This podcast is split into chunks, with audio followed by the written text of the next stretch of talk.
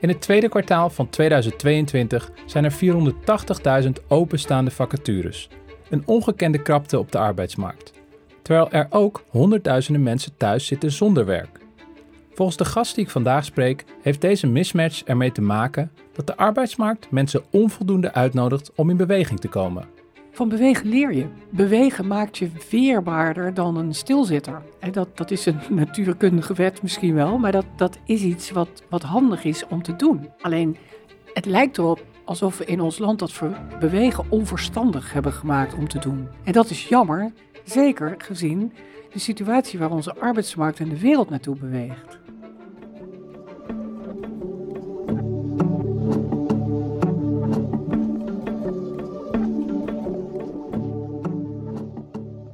Je luistert naar Goed Geregeld Werk, een podcast van Randstad Groep Nederland.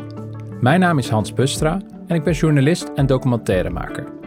In deze serie ga ik op zoek naar een meer eerlijke en inclusieve arbeidsmarkt.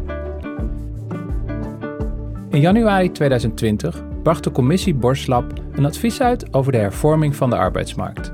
In het rapport staan vier principes centraal: wendbaarheid, weerbaarheid, wederkerigheid en duidelijkheid. In deze aflevering ga ik in gesprek met Marjolein ten Hoonte over het principe weerbaarheid. Over welke sociale zekerheid er nodig is om mensen op de arbeidsmarkt meer in beweging te laten komen en waarom het bieden van deze zekerheid belangrijk is. Welkom Marjolein, jij bent directeur arbeidsmarkt bij Randstad. En ik dacht voor dit gesprek misschien wel goed om helder te hebben, een beetje flauw misschien, maar wat is de arbeidsmarkt? Als we wisten wat nou de precieze definitie van een arbeidsmarkt was, dan, uh, dan waren we er misschien wel. Ik, kijk, een arbeidsmarkt is een plek waar traditioneel van gezegd wordt dat vraag en aanbod bij elkaar komt. Ik denk alleen in de loop der tijd dat, dat er zoveel veranderingen hebben plaatsgevonden, dat die vraag en dat aanbod niet meer steeds vanzelf bij elkaar komt. En volgens mij lezen we dat elke dag in de krant. En zijn er nu zelfs wetenschappers die zeggen: ja, maar het is eigenlijk helemaal geen markt. Het is een, een complex systeem. Ja, dus we noemen het een arbeidsmarkt, maar we weten eigenlijk niet precies wat het is, behalve dat het een iets complex is. En dat er, dat er dingen ehm, ja, soms niet gaan zoals we willen. Als ik jou vraag, wat is de staat van de arbeidsmarkt op dit moment, als jij er een, een, een kwalificatie aan moet geven? De staat van de arbeidsmarkt is, is dat die eigenlijk gebouwd is op de vragen en behoeften van organisaties en mensen van pakweg 50 jaar geleden. Uh, dat was een tijd waarin je, als je van school kwam, werk vond in de richting waarvoor je uh, opgeleid was. En dat zou je in principe gedurende je hele leven blijven, eigenlijk bij één werkgever. Um, die zekerheid is niet meer van vandaag de dag. En daardoor zien we dat een arbeidsmarkt zich splijt. Dus dat er mensen zijn die nog in die oude wereld leven, die, die wereld van lifetime employment. En dat er mensen zijn die krampachtig soms zoeken naar die oude weg, maar steeds maar blijven draaien in een wereld die zegt van hé, hey, ik, ik heb jou niet meer nodig voor je hele leven. En je opleiding is niet voor je hele leven een handige opleiding, enzovoort, enzovoort. En dat is volgens mij wat deze arbeidsmarkt enorm typeert. Waardoor je mensen hebt die heel bevoorrecht op zo'n arbeidsmarkt actief zijn en mensen die het moeilijker hebben. Een soort haves en have-nots. Ik vind haves en have-nots een hele scherpe scheiding, maar ik denk wel dat het, dat het daarop neerkomt. En als we het dan over de haves hebben, dan hebben we het over mensen met, met een vast contract? Als we het over de haves hebben op een arbeidsmarkt, dan hebben we het over mensen die opgegroeid zijn in die industrieel verzorgde samenleving die een vast contract hebben en waar stilzitten eigenlijk de norm is. Dus niet bewegen is de meest veilige optie uh, in die wereld. Dus bij, een, bij je huidige werkgever bij blijven? je huidige werkgever blijven. Vertrouwen dat je opleiding uh, genoeg is voor je hele leven. Je pensioen bouwt zich op naarmate je meer uh, dienstjaren hebt, enzovoort, enzovoort. Ja, dus er is een groep in Nederland met een, een vast contract, met daaraan verbonden eigenlijk allerlei prettige voorwaarden.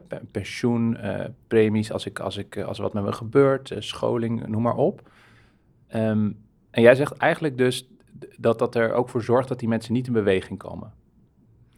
Ja, het, het grappige is dat de situatie die we kennen al een tijd in dit land is, is een vast contract.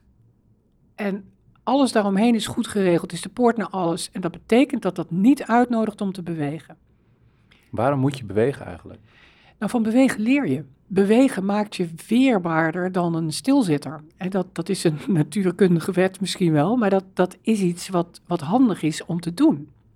Alleen, het lijkt erop alsof we in ons land dat bewegen onverstandig hebben gemaakt om te doen. Hmm. En dat is jammer, zeker gezien de situatie waar onze arbeidsmarkt en de wereld naartoe beweegt. Als ik uh, de, de politiek een beetje volg, het lijkt er toch op dat we zekerheid erg sterk associëren met dat vaste contact. Dus dat toch het idee is, kom laten we mensen uh, in uitzendwerk of die, die ZZP'er zijn, maar dan aan de onderkant van de arbeidsmarkt, laten we die gewoon richting dat vaste contact, want daar zit de zekerheid. Dat lijkt wel ons model in ons denken, toch? Ja, en het jammere van die redenatie is dat je dus stilzitten gaat belonen en niet dat bewegen waar mensen zich zo fantastisch van ontwikkelen en waar ze weerbaarder en wendbaarder van worden. Uh, en, en dat is mijn pleidooi. Mijn pleidooi is: zorg nou dat je toebeweegt naar een arbeidsmarkt die niet de stilzitter beloont, maar de beweger faciliteert. Ja, maar je wilt toch niet zeggen dat iedereen in een vast contract uh, stil zit, toch? Hoe, hoe bedoel je dat precies? Een vast contract nodigt uit tot ik ben veilig en ik hoef me eigenlijk nergens druk over te maken. Terwijl we dat vandaag de dag, omdat lifetime employment niet meer bestaat bij één werkgever, niet kunnen garanderen.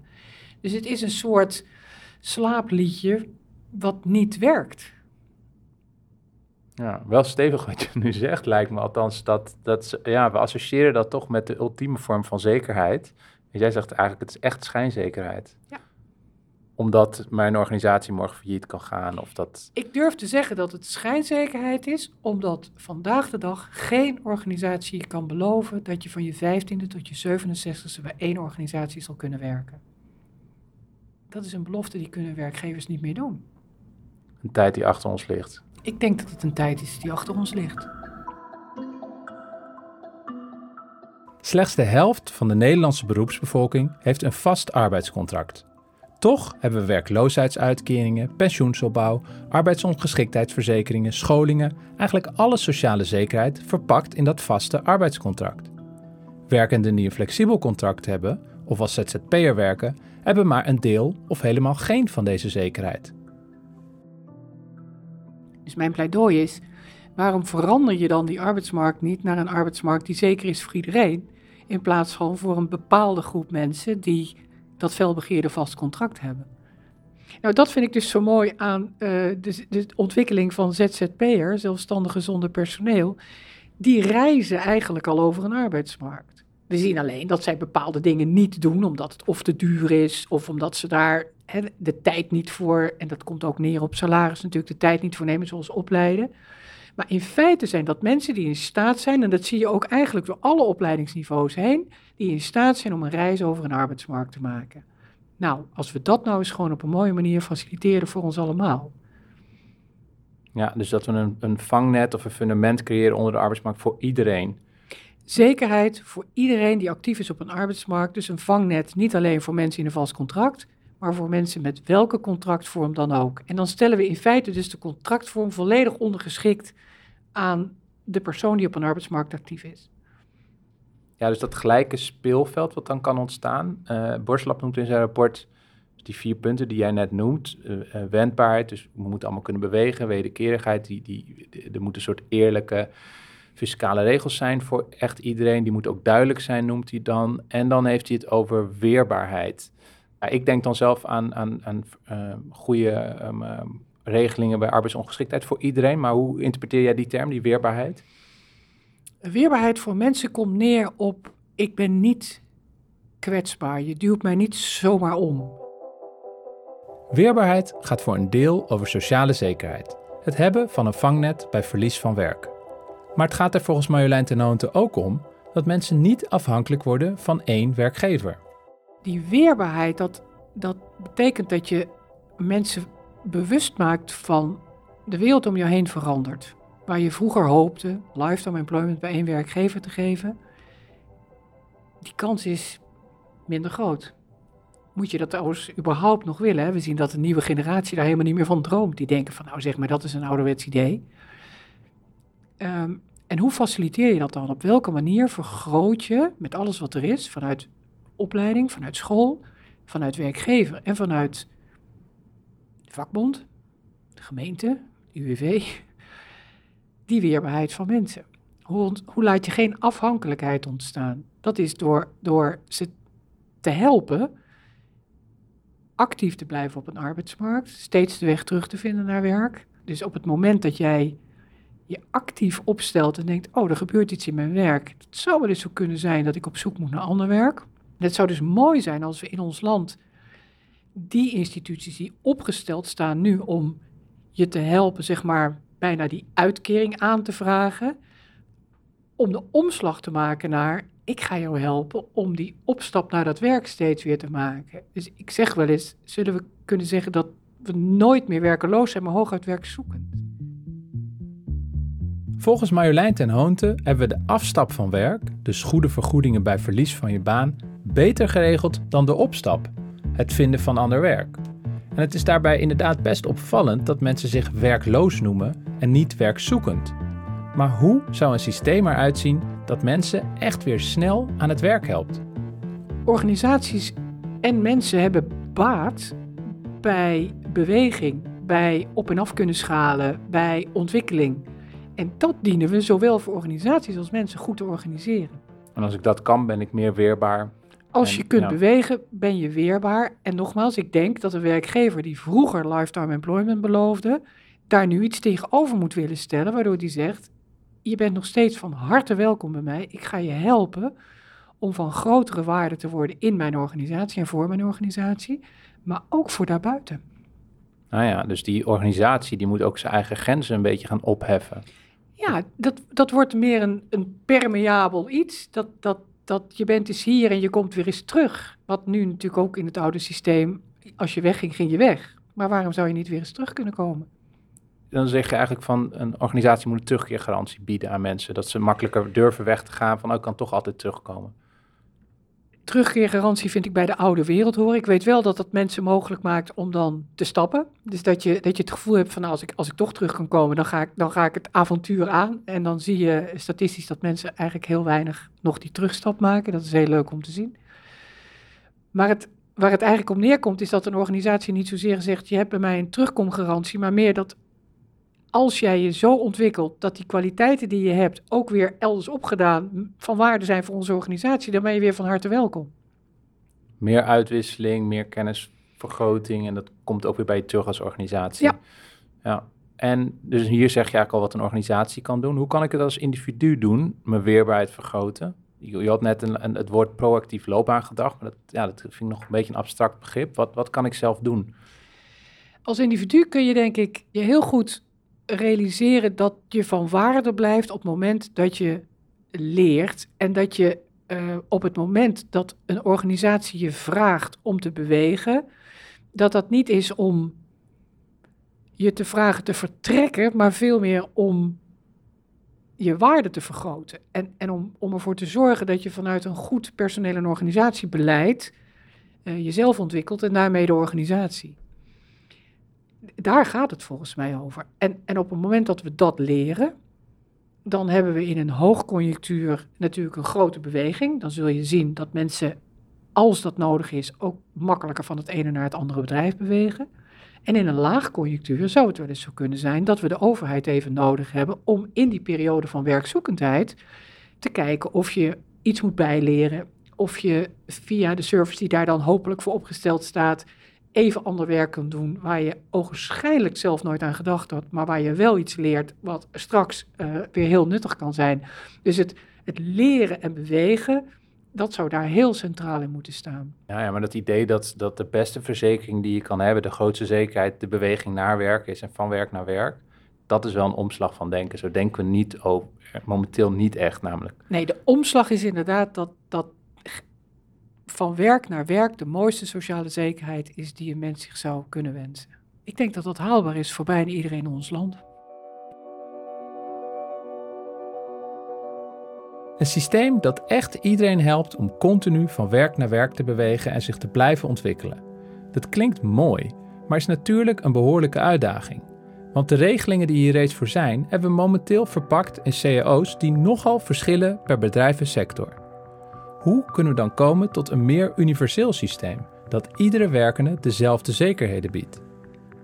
Het beeld wat ik heb bij een arbeidsmarkt die we nu al even proberen te schetsen, is dat het een arbeidsmarkt is waar je als mens een service ervaart in je zoektocht naar opleiding, naar werk, naar nieuw werk, naar uh, je eigen ontwikkeling, naar misschien wel een overstap iets heel anders. We hebben nu in de coronatijd gezien dat, dat mensen heel graag in de zorg wilden werken, eigenlijk. En, en dat we dan nou, een beetje mondjesmaat dat ook met elkaar heel goed voor elkaar uh, krijgen, omdat het allemaal heel formeel nog steeds geregeld is in de, in de oude manier van onderwijs geven.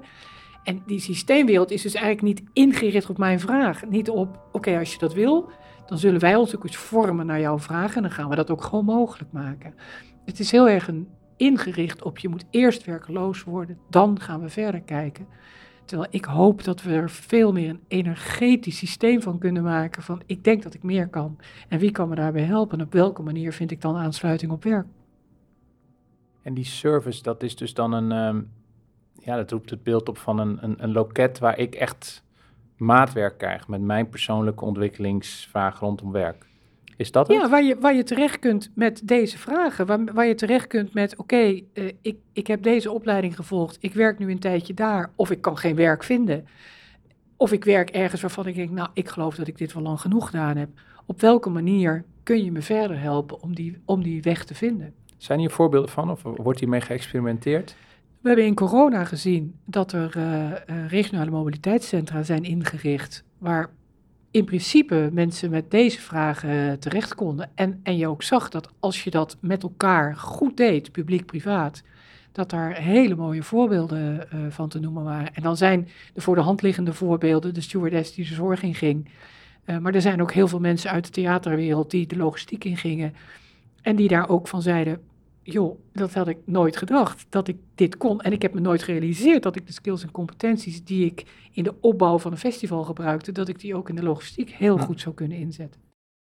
Een term die je nu veel hoort rond de arbeidsmarkt en in HR-wereld is je arbeidsmarktwaarde. Um, en dat dat zo belangrijk is om te weten wat je, nou, wat je waard bent. Maar wat, wat, wat bedoelen we precies? Wat betekent arbeidsmarktwaarde? Waar staat het precies voor?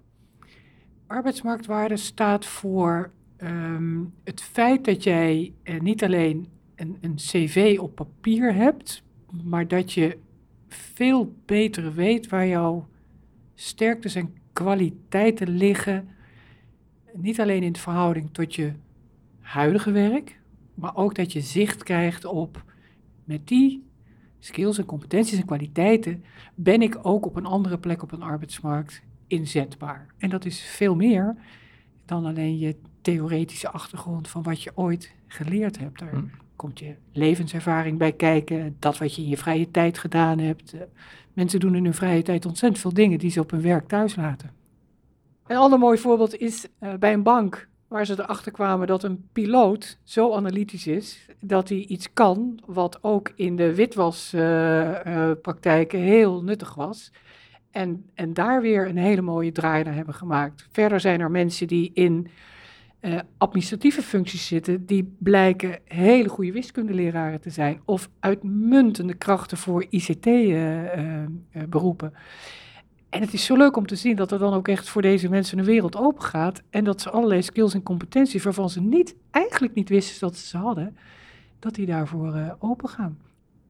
Ik zag laatst gewoon iets over een, mijn wijk in Rotterdam en er was een alleenstaande moeder met drie kinderen en die vertelde gewoon over hoe, haar leven, hoe ze die kinderen gewoon allemaal goed had grootgebracht. En dat die nu best wel goed gingen. Het was volgens mij een bijstandsmoeder, dus die leefde van een bijstand. Die had het gefixt. En ik dacht alleen maar van, ik heb zelf nu twee kinderen, van hoe doe je dat? Hoe heb je dat gedaan? En als, jij, als ik jou nu dit hoor zeggen, dan heeft zij misschien wel als cv en heeft ze heel weinig uh, wat ze op haar cv kan zetten in een oude manier van denken. Maar in die arbeidsmarktwaarde denk ik, nou, vertel dit verhaal eens. En je bent volgens mij een topper als je in een organisatie met, met kwaliteit als moeder. Maar dit is, dit is exact wat ik bedoel met, met arbeidsmarktwaarde. Hè. Dat gaat misschien wel veel meer over de individuele waarde van het individu, hè, dan, dan dat het meteen ook op een arbeidsmarkt heel erg herkend wordt. Maar het is hartstikke bruikbaar. En um, daar mogen we veel, veel meer naar kijken voor mensen. En hen ook veel meer zelfvertrouwen leren geven in ja, wat, wie jij bent en wat jij doet, dat is van waarde. Ook op een arbeidsmarkt. De groep die we nu onbenut arbeidspotentieel noemen, dat is eigenlijk onontdekt talent. En, en dat zijn onontdekte kwaliteiten die we gewoon nu niet goed inzetten.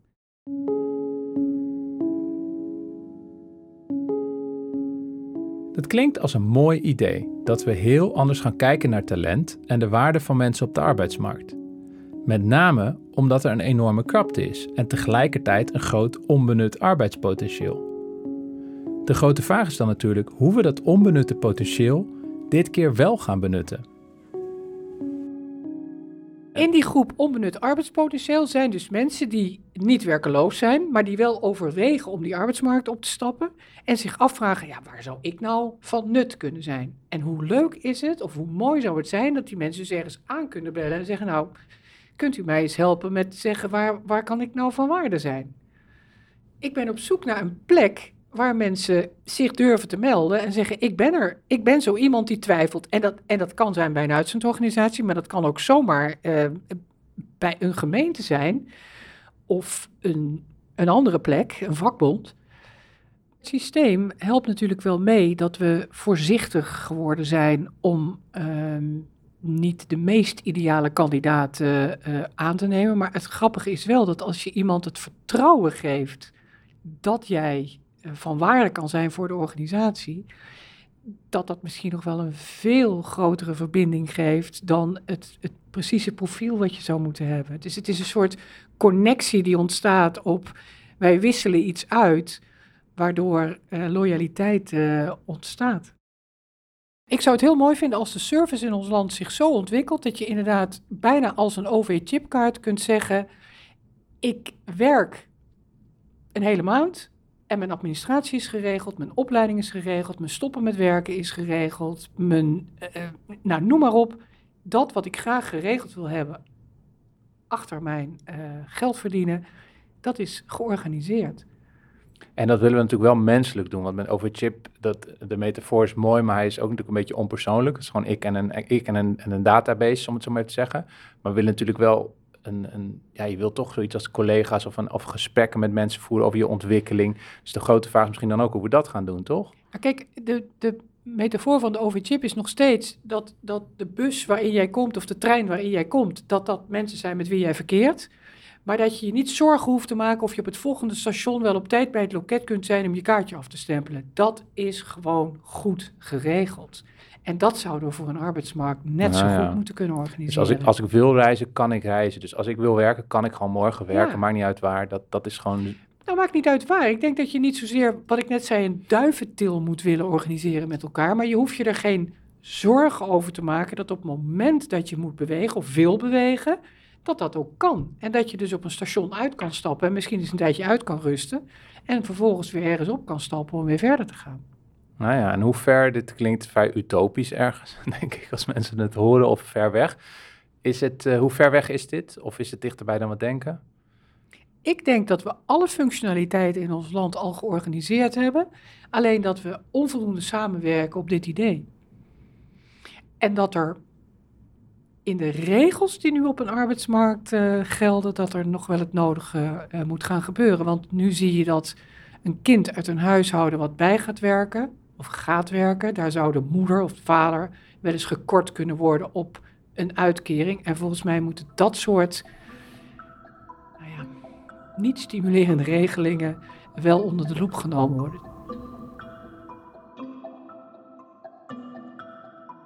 En, maar wat, dan ben ik wel heel benieuwd wat jou ten diepste drijft. Want je, je spreekt heel bevlogen over dit thema, over die echte, nou, best wel fundamentele arbeidsmarkthervorming. Waar raakt het jou emotioneel? Waar zit die, die diepe drijfveer bij jou? Is dat ja, omdat je mensen om je heen ziet waar je het voor doet? Of? De diepe drijfveer is dat ik, dat ik zelf een stapelaar ben en dat je weet dat als je, als je kansen krijgt en als mensen net iets andere wegen jou toestaan dan eigenlijk de eigen geëikte wegen zijn, dat er een hele wereld voor je open gaat. En dat is wat ik eigenlijk iedereen in de wereld gun.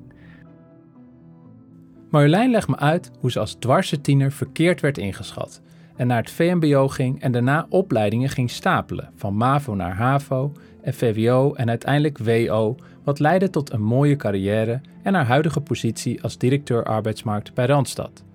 Hiermee is haar eigen schoolcarrière en loopbaan misschien ook wel een mooi persoonlijk voorbeeld van haar visie. Een arbeidsmarkt die talent ziet en tot ontwikkeling laat komen. Ja, mijn pleidooi is: kijk naar de wereld niet vanuit een contractvorm, maar vanuit een mens wat hij nodig heeft om zijn leven te organiseren. Waar kom jij nou echt tot wasdom? Wat is nou jouw ding? En, en ik realiseer me ook dat dat niet altijd voor iedereen op het juiste moment is. Maar je zou toch hopen dat in je leven je, want het grootste deel van je leven werk je, dat je iets kan doen waar je je nuttig in voelt. En waarvan je denkt, hier, hier draag ik in bij en ik, ik vind het fijn om te doen. Ja, heel mooi als we met elkaar dat gesprek meer kunnen gaan voeren als samenleving. Ja. ja. En dat we ons realiseren dat er verschil is in wat mensen graag doen. En dat dat niet zozeer zit op doe ik hoog of laag werk, maar veel meer op van welke waarde ben ik eigenlijk in onze samenleving en hoe draag ik bij en dat we dat waarderen. Het is volstrekt geen eenvoudige opgave waar we voor staan, maar ik denk wel dat het fantastisch zou zijn als we als een van de eerste landen in de wereld echt naar een moderne arbeidsmarkt zouden kunnen toewerken, waarbij het wendbaarheid en die weerbaarheid en wederkerigheid gewoon goed georganiseerd is.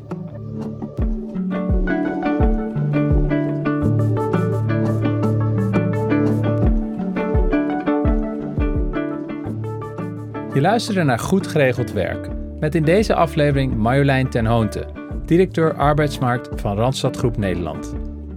Wil je de andere afleveringen niet missen? Abonneer je dan in je favoriete podcast-app. Mijn naam is Hans Pustra.